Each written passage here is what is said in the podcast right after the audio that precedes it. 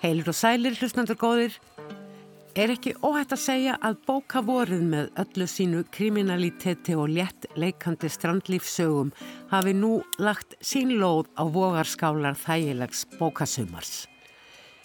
Inni á milli hafa reyndar líka að undanförnu áhugaverðar ljóðabækur þrengt sér inn á metsölulistana eins og til að mynda frumrun Ferdinand Sjónssonar af djúpum ströymi Og ekki þykir mér ólíklegt að þykistuleikar Antons Helga Jónssonar á kvæðabókin Allt og sumt eftir Þórarinn Eldjórn eigi eftir að gera viðreist í ferðaskjóðum landsmanna þetta sömarir. Fleiri áhugaverðar bækur leynast og í stapla sömarbóka ársins 2022 og eiga þær uglust eftir að bera á góma á þessum vettvangi á næstunni.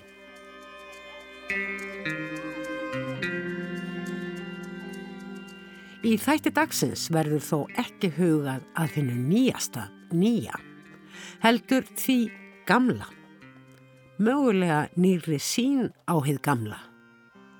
Meðal annars á löngu ort ljóð sem skindilega nú áratugum eftir að það byrtist býr yfir meiri snerpu og ákalli til samtíma okkar hér og nú en margan hefði órað fyrr. Ísland í september 1951. Kirlát er september nóttin eins og hún vilji ekki trubla þig svo að þú heyrir fótatak vinuðinnar á malbygginu. Kirlát er nóttin og því heyrir þú fótatak hermannana. Og þó að hvesti myndir þau heyra það gegnum stormin. Þú myndir heyra hjárnuð stígvélinn smetla á malbygginu. Einn stendur þú og hlustar. Hví eru þeir hér? Fótatak vinuðinnar heyrir þú ekki því að framandi stríðsmenn hafa rofið kyrð næturinnar. Svarti skaldið, tíðandinn og essayistinn Jón Óskar fyrir rúmum 70 árum. En í mæmánuðu árið 1951 hafði varnarsamningur millir líðveldisins Íslands og Bandaríkjana á grundvelli Norður Allandshafssamningsins verið undirriðtaður. Erindi þessa ljóðs hefur nú fengið nýja skýrskotun þegar framandi stríðsmenn rjúfa kyrð næturinnar á allt öðrum stað með skelvilegum afleðingum. Þann 18. júli í fyrra, það er árið 2021, voru 100 ár liðin frá fæðingu Jóns Óskars. Að því tilefni hafði þá verið undirbúin hátíðardagsgráðum skaldið sem vegna samkomu takmarkana varð að fresta. Þann 5. mæ síðastliðin gatt svo loks orðið af þessari dagskrá. Hún var haldin í Gunnarshúsi og þar voru ljóð eftir Jón Óskar bæði sungin og lesin upp sem og smásaga eftir hann Ég barnið hundurinn auk þess sem samkominni barst bref frá réttöfundunum Otníu Eir Ævarsdóttur þar sem hún meðal annars heldur fram áhrifum Jóns Orskars á sín eigin réttstörf. Hér á eftir verða flutt brot úr þessari dagskrá en einni verður rættuð réttöfundin Djáknan leikúsfræðingin og bókmyndafræðingin Guðmund Brynjólfsson sem þann 10. mæ síðastliðin varði doktorsreitger sína í bókmyndafræði við Háskóla Íslands um einmitt skáldið og þýðandan Jón Óskar og stöðu hans á íslenskum menningarvettfangi. Þátturinn Orðum bækur er með öðrum orðum að þessi sinni helgaður Jóni Óskari og stöðu hans í íslensku bókmyndalífi á sínum tíma og nú í dag.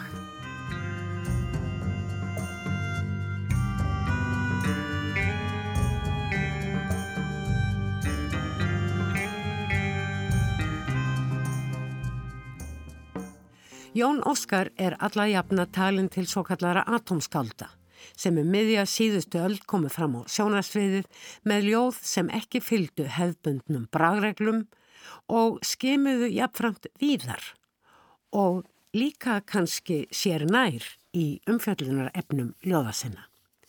Ljóðið var þó sannarlega ekki eina skáldskaparform Jóns Óskars sem á tíu ára tímabili frá árunum 1969 til 79 skrifaði einar sex endurminningarbækur um skáldalíf á Íslandi. Allt frá hernámsárunum og framundir lok sjönda áratugarins. Á áttunda áratugnum sendi svo Jón Óskar frá sér tvö söguleg verk. Annað um hinn miskilda snilling Salva Helgason en hitt um konur fyrir rétti og heitir bókin svo. Hún inniheldur átta frásagnir af konum sem af ólíkum sökum átt að svara fyrir sig fyrir rétti á 19. öld. Þá sendi Jón Óskar frá sér tvö smásagnarsöfn og eina skáldsögu auk þess sem hann var mikilvirkur þýðandi, ljóða, sagna og leikrita. Jón Óskar var á árunum 1955 til 1968 einn rittstjóra hins skoðsagnakenda tímarits Byrtings og starfaði einnig sem músikant. Hann leik á piano með ymsum dansljónsveitum á árunum 1946 til 56. Jón Óskar lést 20. oktober árið 1998.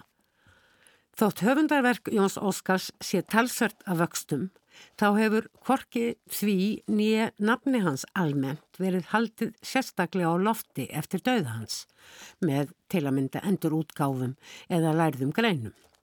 Reyndar getur skáldið Sigurður Pálsson, Jóns Óskars í endurminningabókum sínum og það gerir Pétur Gunnarsson líka í veraldasögu sinni en báðir þessir höfundar voru og eru aðdáendur franskrar menningar líkt á Jón Óskar sjálfur sem bæði þýtti mikið úr fransku og dvaldi reglulega í borg drauma sinna, París en Borg draumaminna er titill á síðustu endurminningabók Jóns Óskars.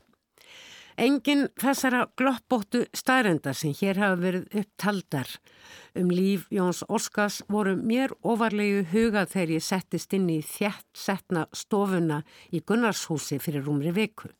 Þar sem þau Þór Stefánsson, ljóðskáld og Katrín Ásmundsdóttir útvarskona lásu upp ljóð, auk þess sem Magnea Tómasdóttir söng fáinn ljóð og Ævar Kertansson las upp eilitið bref sem dóttir hans, rittöfundurinn Otni Eir Ævarsdóttir, hafði sendt þessari samkómu þar sem hún sjálf í eigin personu gæti ekki mætt, sökum lasleika, emitt þennan dag. Bref Otniar var stílað á dóttur Jóns Óskars, Unu Margreði Jónsdóttur, sem skipulaði þessa dagskrá helgaða aldarafmæli föðusins. Þess má geta að í tilefni þessa aldarafmælis Jóns Óskars hafði Una Margreð einnig staðið fyrir útgáfu allra smásagna föðusins sem teljast full frá gengnar og kom svo bók Ég hef glemt einhverju niðri út hjá skruttu árið 2021.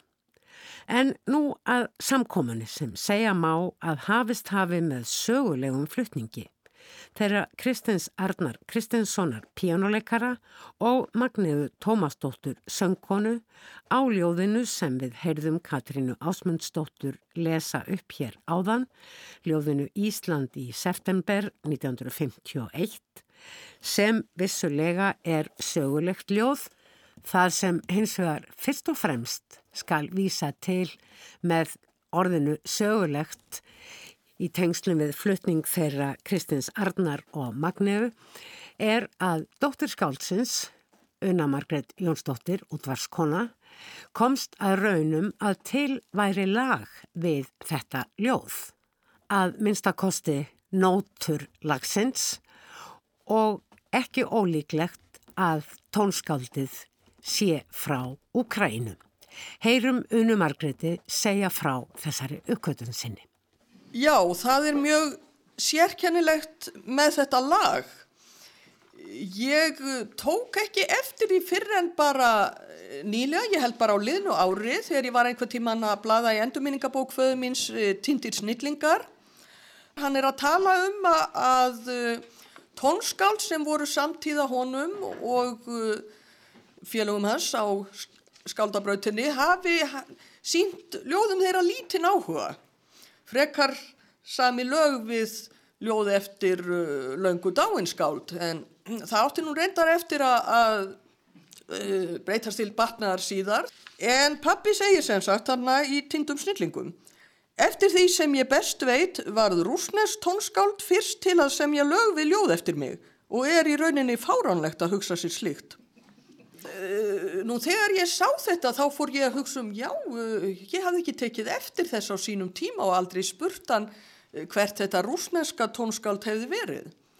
Svo var ég einhver, einhverju sinni að leita bók eftir hann í, í tölvu spjaldskrá bókasamnana sé þá allt í einu að á landsbókasafninu eru til nótur e, gefnar út í Moskvu 1959 þar á meðal lag eftir í. Admon við ljóðföðu minns Ísland í september 1951 og einnig við ljóð eftir Jóhannes Rú Köllum og Jón Helgarsson og þarna þóttist ég sjá að rúsneska lagið hlýtt að vera komið. Svo ég fór á safnið og fekk þetta ljósritað en svo reyndist þetta nú bísna flókið e, því að e, snjallir starfsmenn safsins höfðu náttúrulega flett upp þessum í Admon og fengi líka einhver til þetta var allt með kýrilísku letri hann á nótunum fengi einhver til að tíða það og höfðu fletti upp starfsmenn að þetta væri Jedidja Admon fættur 1894, dáin 1982. Ég fór svo að fletta þessum tónsmið upp á netinu og þá kom nokkuð sérkennlegt í ljós. Í fyrsta lagi er hann fættur árið 1894 í Jekaterinoslav í Úkrænu og uh, það, uh, það er náttúrulega í sjálfu sér eðlilegt að pappi ruggli saman Rúslandi og Úkrænu á þeim tíma þegar bæðilöndin tilheyra Sovjetríkunum. En eins og við vitum þá er Rúsland og Úkræna alls ekki það sama og sísta völlu núna. En það sem er undarlegt er síðan það að þessi Admon flist aðeins 12 ára gammal til Ísrael og er talin Ísraelsku tólsmiður og ekkert um það að hann hafi nokkuð tíma búið í Sovjetríkunum. Og hann á að hafa stundar tónlistanámi í Bandaríkunum og, og í París hjá Nadju Boulanger, búið 13 ári í Ameríku og flust svo eftir til Ísrael. Svo ég er ekki vissum að þetta sé sá rétti Admon en ég hef ekki fundið neitt annan Admon.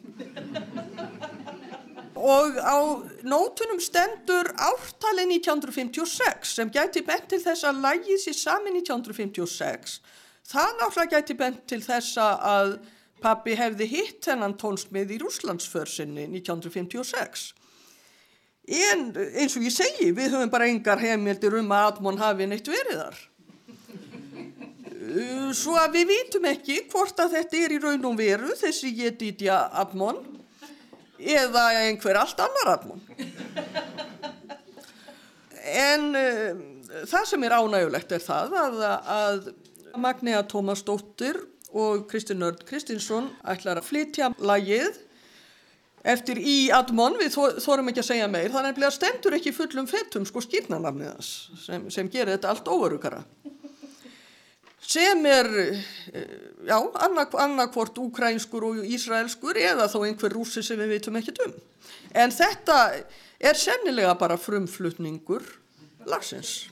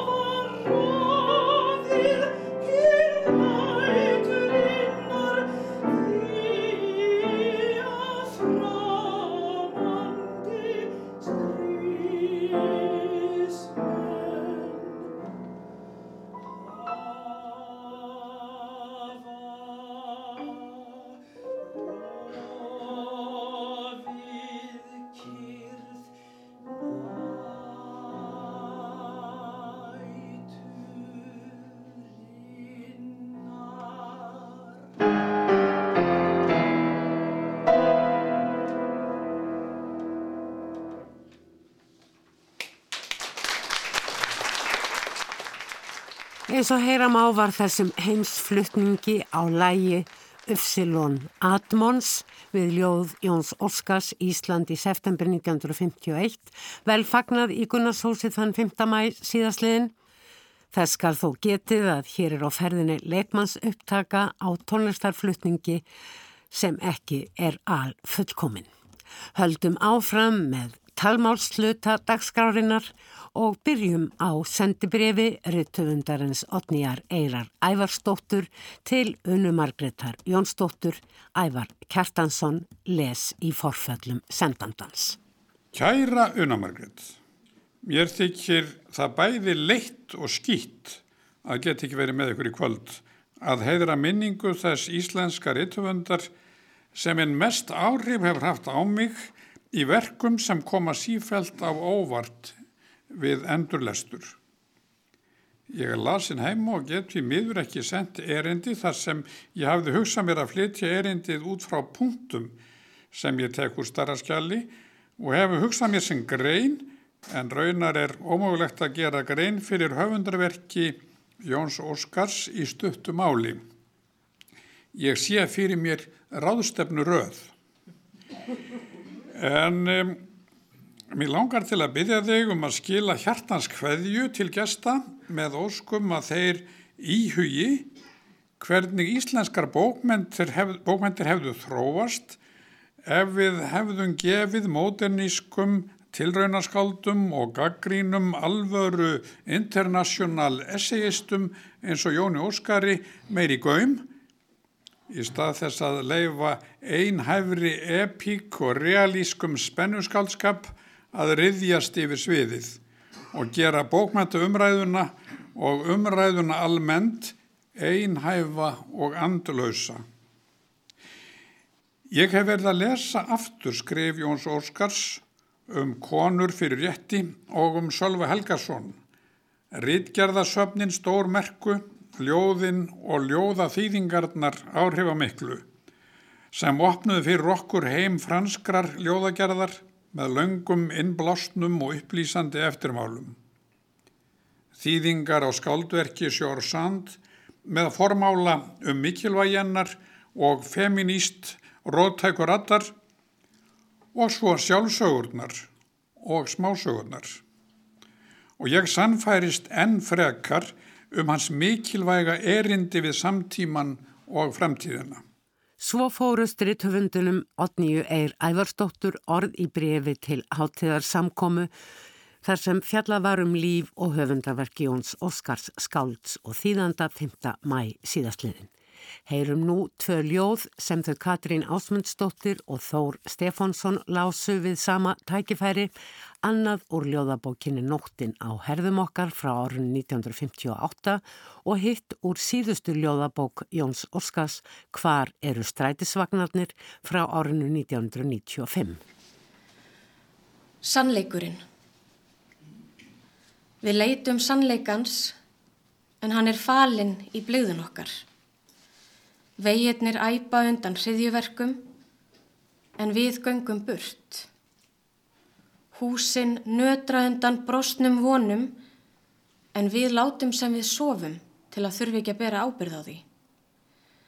En hendur okkar skjálfa. Þær skjálfa þegar við stýrum penn okkar inn í hörmungarnar og letrum á hrunda húsveikina. Þetta varð svona að vera. Nýljóð Nýjir draumar. Nýljóð, nýjir draumar. Hefjast meðan hönd mín leitar nýra lausna, nýra mynda og nýra drauma og mig dreymir hendur þær sem hefjast meðan lífið leitar nýra landa, nýra handa og nýra ljóða. Meðan liftist hönd mín til að hefja nýljóð, nýja drauma. Það má kalla ótrúlega tilvíljun að aðeins fimm dögum eftir að þessi áhugaverða dagskrá sem að gaf svo ágæta insýn og eða yfir sín yfir fjölbreytt höfundarverk Jóns Óskars fór fram í Háttíðarsal Háskóla Íslands doktorsvörn þar sem rannsóknin snýrist einmitt um höfundarverk Jóns Óskars og stöðu hans í íslensku bókmyndalífi. Höfundur þessarar doktorsreitgerðar sem byr titilinn Ég sem þreyttur kem frá liðnum vetri um margbrotna stöðu skáldsins og þýðandans Jóns Óskars í íslensku menningarumhverfi er Guðmundur Brynjólfsson, reittöfundur, djákni og bókmyndafræðingur. Guðmundur er hingað kominn hjartanlega til hamingu með nafnbótina doktor Guðmundur Brynjólfsson og Takk fyrir margvíslega nýja sín á helsta byltingarskeið íslenskra bókmenta á síðustu öld eða bara á síðari tímum. Segðum við fyrst áður en við ræðum aðferðafræði, rannsóknarðinnar og niðurstöður, hvað kom til að höfundaverk Jóns Óskars var kjarnin í þessari rannsókninni? Eh, takk fyrir góða hverju. Hérna, það kom nú þannig til að ég uh, hafi lesið æfisugur verkans þessar endurminningar Já. og ég hef alltaf haft áhuga fyrir svona svona jæðarmönnum jæðarfólki og hann náttúrulega talar alltaf mikið um um svona þá sem voru svona alveg á jæðarinnum í Reykjavík á þessum árum og bóhemíuna í Reykjavík. Og ég hef alltaf haft áhuga á, á þessu hugtæki bóhemíunni og, og svona höfundum sem að sigli ekki alveg svona þennan megin ströms farveg sko. Og ég var svona forvitin um hann og svo náttúrulega vissi ég af ljóðaþýðingunum að þekkti það og, og svo fór ég svona við að mér uh, hans bókum og ljóðabókum og svona og ég bara var bara mjög hillaður af, af Jóni og svo þegar ég fer að grúska meira þá einhvern veginn finn ég að hann er, hann er einhvern veginn svona ef maður les bara bókmettasöguna og svona hann er alltaf einhvern veginn svona minna um hann heldur. Svona meðal annara Já, hann er alltaf svona meðal annara hann er alltaf svona svolítil svona aukasetning uh, einni var þar Jón Óskar eða og Jón Óskar er, er svona, svona minnst þektur kannski af þessum mönnum sem mm. voru voru þarna á þessu skeiði Gáf út byrting Já, að því hann er til voru svona virkir já, í umræðinu mjög, mjög kraftmiklir menn á sínum tíma og alveg með ólíkjendum að, að sko að mér finnst einhvern veginn að hann hafi verið já, ekki, ekki kannski notið sannmælis einhvern veginn Var eitthvað svona þegar þegar upp er staðið sem þú minnist að hafi komið þér svona verulega og óvart í þessu verkjans? Höfundaverki er mjög fjölbreytt, þrýðingarnar og hann kemur inn á mjög marga hluti. Hann snertir á mjög mörgum bókmentastefnum og bæði í þýðingum og, og skrifum sjálfur. Og hann náttúrulega er líka flinkur rítgerðasmiður og hann, mm. hann skrifar marga greinar og rítgerðir og, og svona, og, og svona e, fæst við alþjóðamál, alþjóðapólitík. Og, og er svona einhvern veginn svona mjög uh, svona, já, svona alþjóðlegt uh, hans innlegg í rauninni í, í svona íslenska sveitamennsku svolítið. uh, hann, er, hann, er, hann er sko, hann er heimsborgari eins og ég kem inn á í ríkjörðinni. Hann er heimsborgari og hann er borgari, hann er borgarlegt skáld á margan hátt en hann er líka byltingamæður en hann er alltaf svona er hann er baráttumadur hann er baráttumadur og það líka í uh, verkum sínum í Já, ljóðum og smásum mjög, mjög mikill baráttumadur og mikill pólitík oft í honum. Hmm. En mér finnst alltaf að, að hann svona hann heldur alltaf með einhverjum hætti samt aftur af sér. Að það séð svona hann, hann vill líka vera svona heimsborgarin uh, ekki góðborgarin heldur heimsborgarin sem alþjóðlegi fáaði maður. Mm. uh, hann vill ekki ganga alveg byltingunni kannski á hönd sko og hann var jú snemma eh, miklu fyrrheldur en margur annar í röðum bóhæmana mjög gaggrinin á til dæmis Sovjetið og, og eh, Stalin og svo framvegs mjög, mjög, hann er til dæmis hann er til dæmis, það er áður en í rauninni hann er farin að gera upp við Sovjetrikin áður en, en, en 56 atbyrðinir eru. Í Ungverjalandi. Já og hann er, hann kaupir aldrei sko, Jón Óskar má eiga það hann, hann kaupir aldrei neitt svona uh, múæsingar kæftæði sko. Mm. Hann fylgir ekki strömmum. Nei, hann fylgir ekki strömmum. Hann staldrar við. Nei, hann, hann, hann staldrar við og hann, hann hikar og það er nú eitt af hans engjennum bara í ljóðmáli og hans textum og hann hikar og hann er ekki, þú, þú, þú hefur, sko, þetta er ekki maður sem að bara þetta aga út í neina vittleysu. Hann ákveður sjálfur hvað hann er að gera. Og hann tekur ekki einhvern veginn við, við skipunum og ef ég sé, ég sé, ég sé Jón Óskar fyrir mér að hann væri í dag bara í íslensku menningarumhverfi í dag um íslenskum þá væri Jón Óskar, hann væri ekki gefin út hjá, hjá hérna, stóru forlögunum, hann væri einhver staðar annar staðar og, mm. og hann væri, hann væri í andófi við eitt og annað sem er í gangi. Og ekkert endilega sko andófi meginströmsins. Nei, nei, nei, hann væri ekkert, akkurat, hann væri ekki í andófi meginströmsins sko. Hann sæi annan flöt og það er eitt hlutur líka sem ég ég svona heitlaði svolítið af við hann. Ég er nú svolítið soliðist þverhaus líka sko. Og ég sé það svolítið í Jóni. Hann er ekkit endilega alltaf sammála fjöldanum sko. Mm. hvoru megin já, hvoru megin sem er. á, ás, já, á hennum diversu ásum já. í samfélagsumræðinni nákvæmlega Þú beitir líka fyrir þig í reytgerðinni ímsum fræðimannum sem að uh, eru, já, enn sem komið er hefur líkt verið beitt í, í fræðilegri umræði á Íslandi og kemur meðal annars inn með hugtak sem að ég hafði nú ekki heyrt áður og, og, uh, og þurfti að fletta upp þegar ég las lýsinguna á rittgerðinni. Þú segir að Jón Óskar hafi verið arretisti eða tilhært arjergard sem að mun þýða og vera úr sama svona sömu tungutags fjölskyldu og avantgard en þannig erum að ræða bakvarðasveitin eða, eða þú segir hann hafi verið bakfylkingar höfund. Já, já þar á ég við til dæmis sem er mjög augljóst sko að hann sko þó hann sé í þessari mótinnísku byltingu og formbyltingu hérna á síðast í ljóðagerð að þá er hann alltaf ákveðinhátt íhaldsamur líka. Hann til dæmis, eh, hann er að þýða gömlu symbolistana eh, frönsku.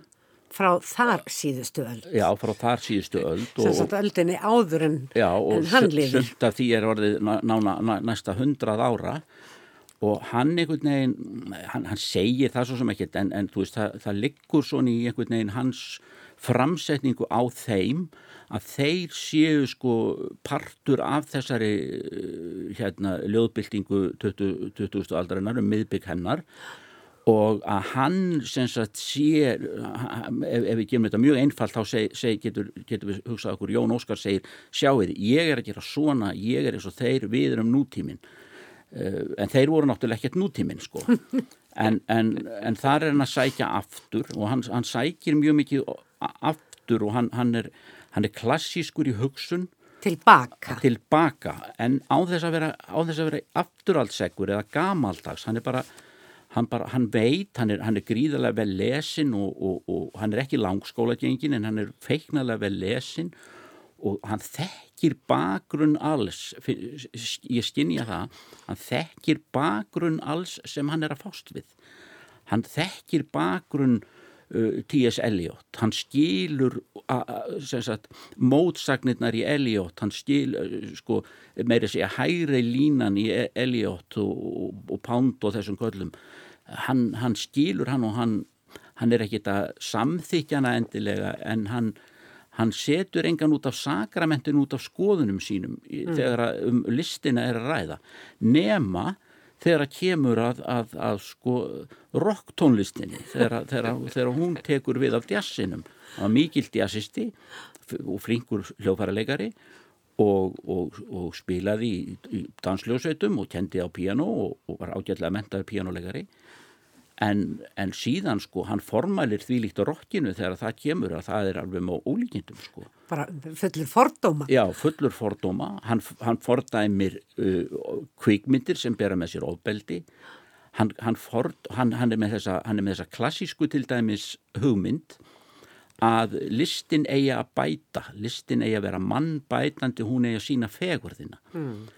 og hún eigi að kjarnafegurðina í sem sem, sagt, sem, sem, sem í sem fáuðustum og fá orðu sagt, með eins fáum orðum og hægt er og þar er hann, er hann greinilega í gegnum T.S. Eliot með, undir miklum áhrifum frá bresku ímagistunum mm. og þar var stóð fremstur T.E. Hölm og það eru greinilega áhrif þar eins og ég kem fram í, kemur fram í ríkjæðinni, ég, ég segi ég er ekkit vissum að, að Jón Óskar hefði nokkuð tíma lesið T.E. Hölm mm -hmm. hans höfundaverk er mjög lítið og hann var ekkit mikið þekktur á þessum árum eða mikið hampað en, en, en í gegnum Eliot þá, þá einhvern veginn hefur þessi, þessi hugmyndafræði síast mm. inn í hann því aftur Eliot var oft í gagstæða langorður eins og við tekjum það er mörg orð í sínum ljóðum.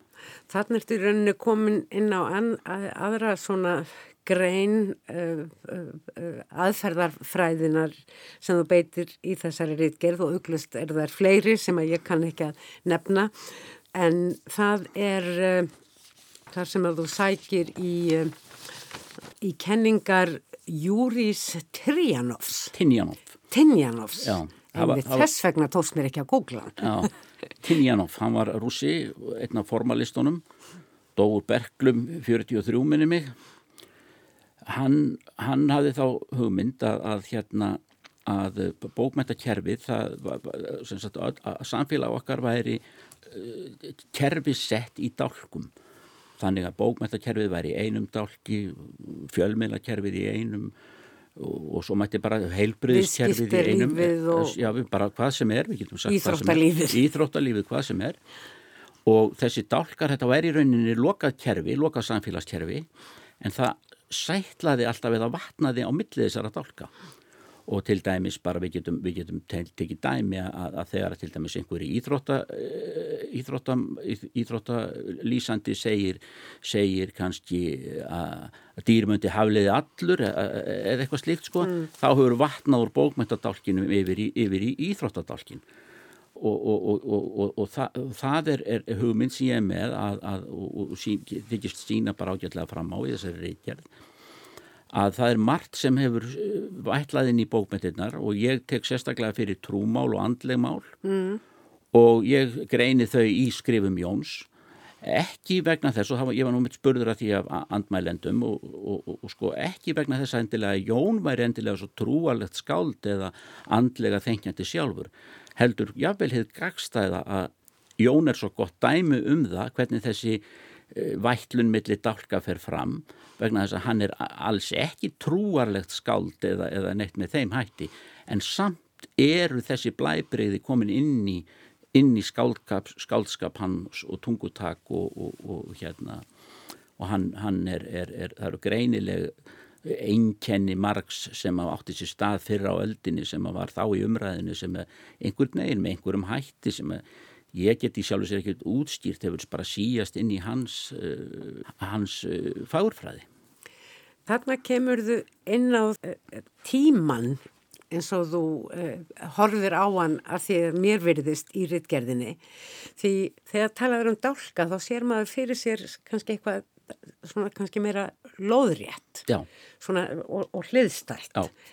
En ég var tilfæðingum þú setur þetta líka upp eins og þú komst reyndar inn á í einhvers konar uh, tímanappi þar sem að uh, getur vætlað og setrað á, á milli tíma skeiða. Við erum svo götna á að taka hlutunum í réttri tímaröð og þessi getur ekki hafa orðið fyrir áhrifum að þessum að því að hann var, getur ekki hafa lesið, hann já, var ekki til í þýðingum eða eitthvað. Já, já. En en leiðir hvort heldur er skálskaparins eða hérna einhverja aðferða í íþróttum eða viðskiptum eða guðmávita hvað að þær eru svo ódreiknanlega, þær ferðast ekki eftir beitni línu. Nei, það er einmitt það sem ég held fram og, og ég er svolítið að hafna svona svona kronológískum lestri eins og á bókmættasögunni eins og maður lærði alltaf bókmættasögunna til dæmis í mentaskóla alltaf, og er handhægur lestur? Mjög handhægur lestur sko, já, raunsæði var ansvar við romantík og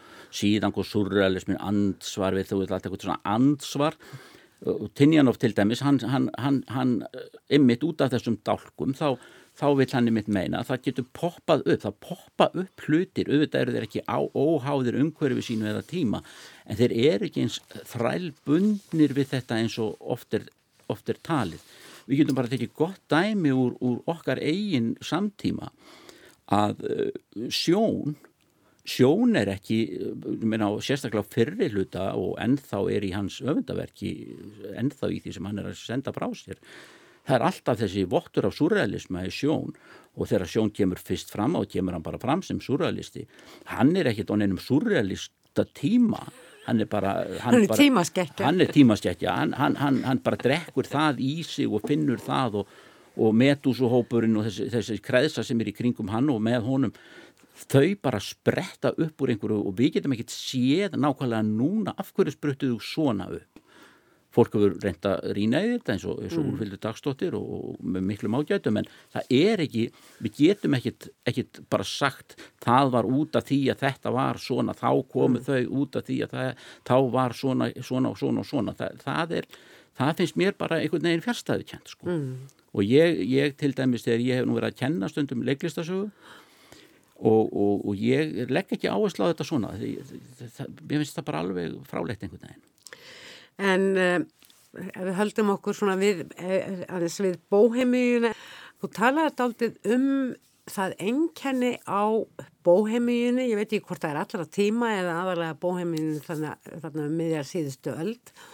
að hún væri svona með því endanlega svar allt sem á undan var átti ekki lengur að vera, nú væri komið, þau væru endastöðum. Já, nei, ekki alveg þannig. Ok, fyrir nei, þetta er náttúrulega bara frá upphafi bóhemíunar eftir eins og hún er stilgreint hjá Mördsir þannig í, í, í La Bohème uh, dæminu, sko. Mm. Uh, sko, bara þegar bóhemía, þessi listamanna nýlenda, þessi, þar sem menn eru alltaf að lifa óháð uh, megin strömmnum, yrkja eða mála eða, eða hvað sem er, þeir hafa alltaf, það er alltaf þessi tilneying hjá þeim í hvert og eitt einasta sinn og hefur allatíð verið. Þeir eru kannski ekkit mikið að fást um það hvað var í einhverjum bóheimíum áður heldur þeir eru alltaf með þessa hugmynd við erum síðustu bóheimannir Já. Já, við erum, þetta er síðasta bóheimíum síðasta uh, framúrstefna. Þetta er síða, já, þetta, er, þetta eru endalóki, nú er sagt, þetta, þetta verður aldrei meir Mm. Sko, en þetta hefur bara alltaf gengið aftur og aftur og aftur.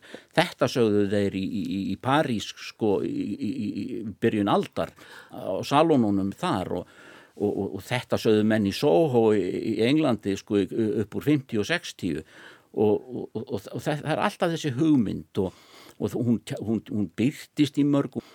Það eru þessar týpur sem er alltaf að skrifa eitthvað sem er óbúslega merkilegt, við vitum, það, það verður aldrei hönda á festir ég er að skrifa stóra skálsögum þetta og aldrei kemur skálsagan Viljámur frá Skáholti til dæmis að ég er að skrifa um strætið ég er að skrifa sögu bara hérna allar, allar, allar okkar allara hérna í strætinu og hvernig, hvernig listamannana hérna og þetta verður mikil saga og við veitum ekki hvort það var nokkuð tíman að skrifa þetta kannski var hann eitthvað að pára þetta. Hmm.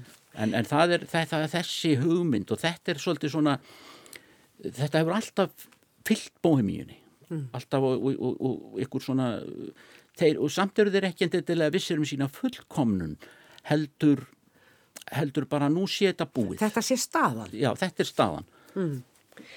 En talandum bóheimiðuna og að gera grein fyrir henni Jón Óskar gerðir það svo sannarlega með, með minningabókun sínum sem eru skrifaði þarna á, á tíu ára tímabili. Ég var hissa hvað þetta var þétt.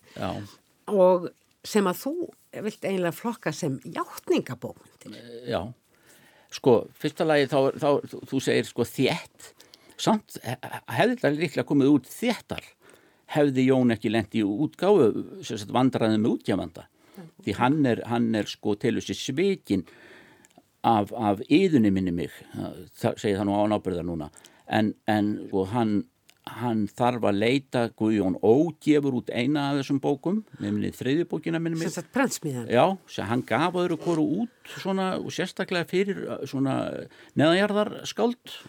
Var þeim hjálplegur að kemur fram hjá Jóni. Þetta er á sjönda áratökunum ekki satt? Þetta er, þetta er um, um, um, um bara já, 60, 70 65 til 70 og eitthvað þínlíkt Og En síðan sko er Jón komin í, í, í krísu með þetta og það er svo Þorstein Tóraðinsen hjá Fjölva sem dregur hann í land og, og gefur út síðustu þrjár bækurnar. Mm.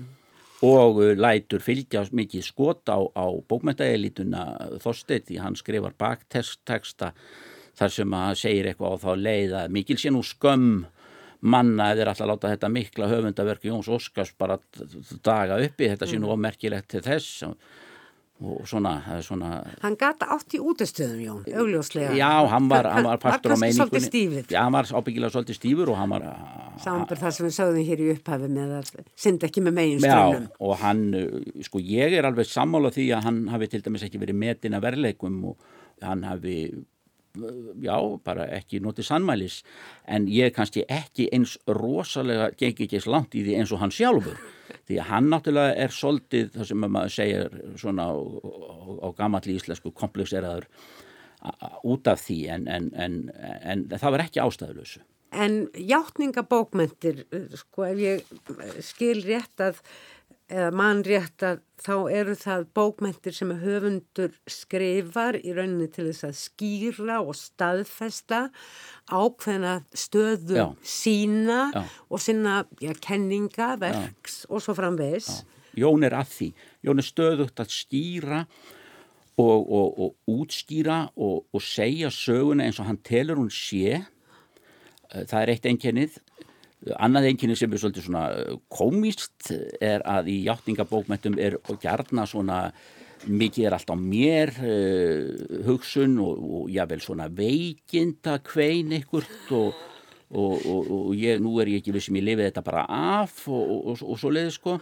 Þetta finnum við í þessum stóru gömlu hjáttningaritum og líka hjá Jóni og svo er það þessi að raða hlutunum upp og Jón gengur með þessi svo langt að í bæði, eða fyrst og fremst kemur það fram í greinum, viðtölum og svo leiðis, hann kemur nú svona, þetta er svona svolítið undirteksti í bókonum en ég mann til dæmis eftir einni grein sem minn minnir að sé í þjóðviljanum þar sem Jón segir bóstalega ég er að leiðrétta. Því ég er að leiðrétta það að þetta sé svona eða eins einn þetta var ekki svona. Ég er að sína ykkur hvernig þetta var. Mm. og það er hluti til dæmis að því þegar hann fer að skrifa bókina konur fyrir rétti þar sem hann er að, þar sem er að taka upp hanskan fyrir konur sem voru fordæmdar og dæmdar í út, út, útbröðarmálum og, hann, og svo þegar hann fyrir að skrifa um sölva hann, þá er hann að rétta hlut sölva. Mm. reyndar í báðum þessum bókum þá gengur Jón svolítið lánt hann, hann er svolítið svona hann er óbóstlega mikill málsvari þessa fólks og það er svolítið svona svolítil einhliða hann, hann, hann, hann gæ... heldur ákaft já, með hann heldur ákaft með getur við sagt. Mm. Átni Eyri nefndi brefsnuttu sinni sem lesin var upp á hátíðadagsgránu Jón Óskar í síðustu viku að um, Íslands bókmæntarlíf hefði betur gefið Jóni og öðrum mótleinistum meiri göðum og við sætum þá ekki uppi með, hvað kallar hún þetta, epík raunsæðis spennu eitthvað já. Já. ég er alveg sammála því og, og sérstaklega Jóni því að hinnum var svo sem gefin alveg gaumur og, og þeirra sögu hefur verið gerð ítalegri skil margra hverja allavegna en, en, en Jón uh, sko sérstaklega þessi alþjóða vingill á Jóni hann, hann Hann, hann er svo... ju ekki bara frankofíl, hann er líka á, á Ítalíu. Ítalíu, já, já, Ítalíu og, og, og bara er mjög ofinn fyrir menningar uh, ströymum, sko. Mm. Og hann telur sig í rauninni bókmenta sendi herra frakka, ekki formlega eldur, eldur. Hann, hann er sá sem skamtar okkur það sem við eigum að lesa frökkunum mm, sko. Camus og svo framvegs Já, Camus og, og, og, og Camus og Rambo og þessi kallar mm. og fleiri og fleiri. Og hann er, hann er með pötan á púlsinum og hann þekkir þetta allt greinlega feiknarlega vel. Mm. En hvað svona með skáldskap Jóns, hvar lágur svona helstu styrkleikar hans sem skálds að þínu mati? Í ljóðunum, smásögunum eða minningabókunum? Minningabækunar eru náttúrulega gríðarlega sterkar og mi mi mikil heimild og feiknarlega velgerðar og, og velskrifaðar og bara mjög skemmtilegar afleistrar og, og, og hérna bara vilji fólk fræðast um, um bara gömlu Reykjavík líka eða þess að Reykjavík þessara tíma 1940, 1970 eitthvað svoleiðis, mm. 65 þá er þetta bara, bara gaman að lesa þetta, maður er bara dettur stundum alveg inn í Reykjavík og hann segir frá því hverjir voru á hvaða kaffihúsum og, og, og hverjir heldur sér hérna og hverjir voru þarna og svona. Og það er mikið, það talst fyrir ljóðræna í þessum Já, sögum. mjög vel, mjög vel og fallegar, fallegir margir og hann segir frá draumórum ungara manna sem ekki urðu og, og það er svo margt í þessu sem er svona uh, einlægt og fallegt. Hann er ekkit uh, sko feimin við að segja frá ungum mönnum sem, sem til dæmis ætluðu sér voru konur á staði að vera í skálskap eða myndlist en fór í annað og, og, og svona eitt- Gerir ekkit lítið úr því. Nei, ekki lítið úr því en syrgir það stundum svolítið svona, maður finnur það Já. en uh, jú, s- ljóðin hans eru mörg hver mjög góð og, og, og hérna og uh, smásögurnar líka uh, hann gerði nú bara, skrifaði bara eina skáldsögu leikir í fjörunni sem að er merkilegt nokk hún er hún er mjög æfisöguleg hún er svo æfisöguleg að Jón setur uh, framann við hana þá staðhafingu að þetta sé ekki æfisögulegt en uh, það er nú eiginlega bara til að festa það enn frekar að hversu æfisöguleg hún er Þetta sér maður nú uh, talsvert í, dag í, á okkar sjálfsæfi sögulegu tímum Jú. í bókmyndunum. en, en svo eru ljóðarþýðingarnar hans sem eru náttúrulega oft og tíðum frábærar en ég myndi segja að Jón hafi verið bara nokkuð góður alliða höfundur mm. og, og miklu betri heldur en heldur en uh, þú veist maður kannski gerði sig grein fyrir Við myndumst á, sem sagt, hann hefði verið svona baráttu skáld að einhverju leiti eh, og hann var skáld líka náttúrunar og þú lagði nokkra áherslu á að hann væri skáld kvöndagslífsins. Já, og, og, og bara alþýðumanna. Mm. Sko, hann er, hann, sko, hann er náttúrulega kemur á Nagranesi og er þar bara sonur sjómans og pappans og sjómar og rafirki, móður hans húsmóðir og, og hann fer til Reykjavíkur og, og, og svona hreðirar um sig þar og verður svona, svona borgari og skáld og stendur svona í, í, í menningarlegu star, starfsemi og Er svona í framvarðasveit. Já, og, en, en sko, hann gleymir ekkert sínum rótum og hann, hann, er, hann er mjög trúr, hann er mjög trúr hérna sínu fólki, fólkinu sínu. Hann, hann hlýfir því ekkert, þá er ég ekki að tala um fólkið hans fjölskylduna, heldur, heldur bara skagamenn eða hvernig, hvernig Minnir lífið ég hafa er. lesið einhvers staðar að það hafi ekki verið til ljóðabók á heimilans. Já, hann, hann, segir, hann segir frá því að það hef ekki verið til Íslendingasögurnar eða neitt slíkt, hann var ekki alin upp á slíku heimili mm. það var til orgelðar á, á svona uh, ákveðnum tímapunktið vegna þess að en það var keft, ekki keft fyrir Jón, það var keft fyrir systur hans sem var að læra orgelleik en það er líka hjá Jóni mjög mikið til dæmis í, í kringum landvarnarmálin eh, í kringum hersetuna þá er hann, þá stendur hann mjög fast með sínu fólki, hann stendur til dæmis, hann stendur, hann, hann, hann yrkir ljóð þegar bændur á Vastleysuströnd mótmæla herafingum í, í, í Vastleysusstrandarheiðinni Og and, eh, and, var með andof gegn játblendinu. hann var bara með, með andof gegn, hann, skinjaði auð, auðringa, hann var með, með andof gegn sko inngripi amerískra auðringja í Guatemala á sínum tíma og þegar þeir voru að taka þar yfir bananaræktina og allt saman hann var rosalega mikið með puttan á púlsinum gegn óréttlæti. Því sem að maður svona allir svona sæmilega séðaðir og kristnir menn sjá að er óréttlæti. Ekki, ekki endilega eitthvað svona ekki, ekki eitthvað einhver þræta um einhvert dægurmál sem að maður finnur, jú þess, þetta er svo sem alveg rétt hjá honum og svo getur maður sagt með hinum, jú þetta er svo sem alveg rétt hjá honum hann var, hann var ekkit kannski að sinna slíku hann var í þessum stórum málum og hann var í málum þar sem að einhver átti verulega undir högg að sækja og þar var hann einarður og trúr Einmitt. Á ekki að lesa Jón í skólum. Á hann ekki að vera Jú. hlut af kanónunni. Jú, já, Jón á bara, hann á bara að gera honum hær undir var ekki höfði í tísku að, að, að tala um kanónu. Nei, það er ekki, það er ekki tísku en, en, en það er kannski óþarfi en, en hann, hafa að gera honum herru undir höfðu og þá að lá, láta ungdómin lesa e, e, ljóð eftir Jón og þýðingarnar líka mm.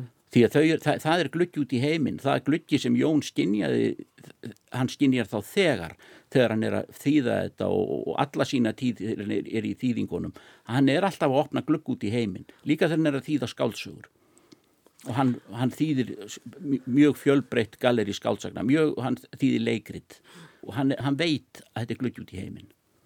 Nákvæmlega. Guðmundur Brynjólfsson, þú er sannlega með rannsókvinni eh, fært okkur nær, eða Jón nær okkur og opnað okkur þennan fjölbreytileika og, og svona beinir svona aðeins öðrum ljóskeislum að þessum fræga tíma miðbyggi síðustu aldar. Já, það þakka ég fyrir. Það er bara meiningin að horfa á þetta svolítið öðrum augum en hefur verið gert. Það er alltaf holdt. Bestu þakki. Já, takk. Ljúkum þessum þætti orða um Jón Óskar með lestri hans sjálfs á eigin ljóði Vorkvæði um Ísland. Vorkvæði um Ísland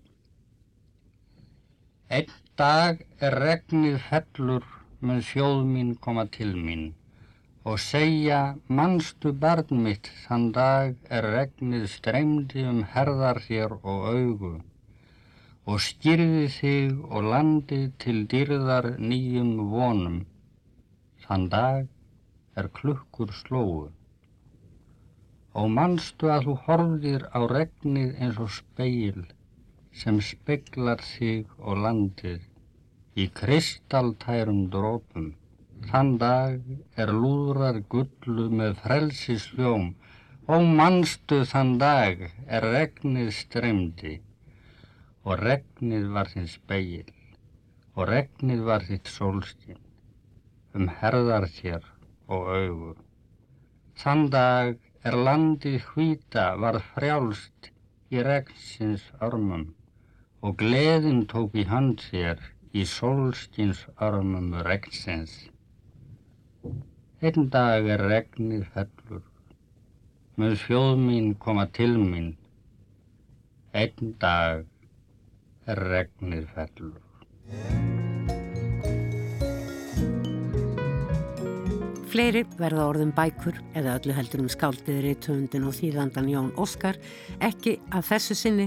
Það var Georg Magnússon sem sá um að raffinera allt hljóð. Takk fyrir að hlusta, verði sæl.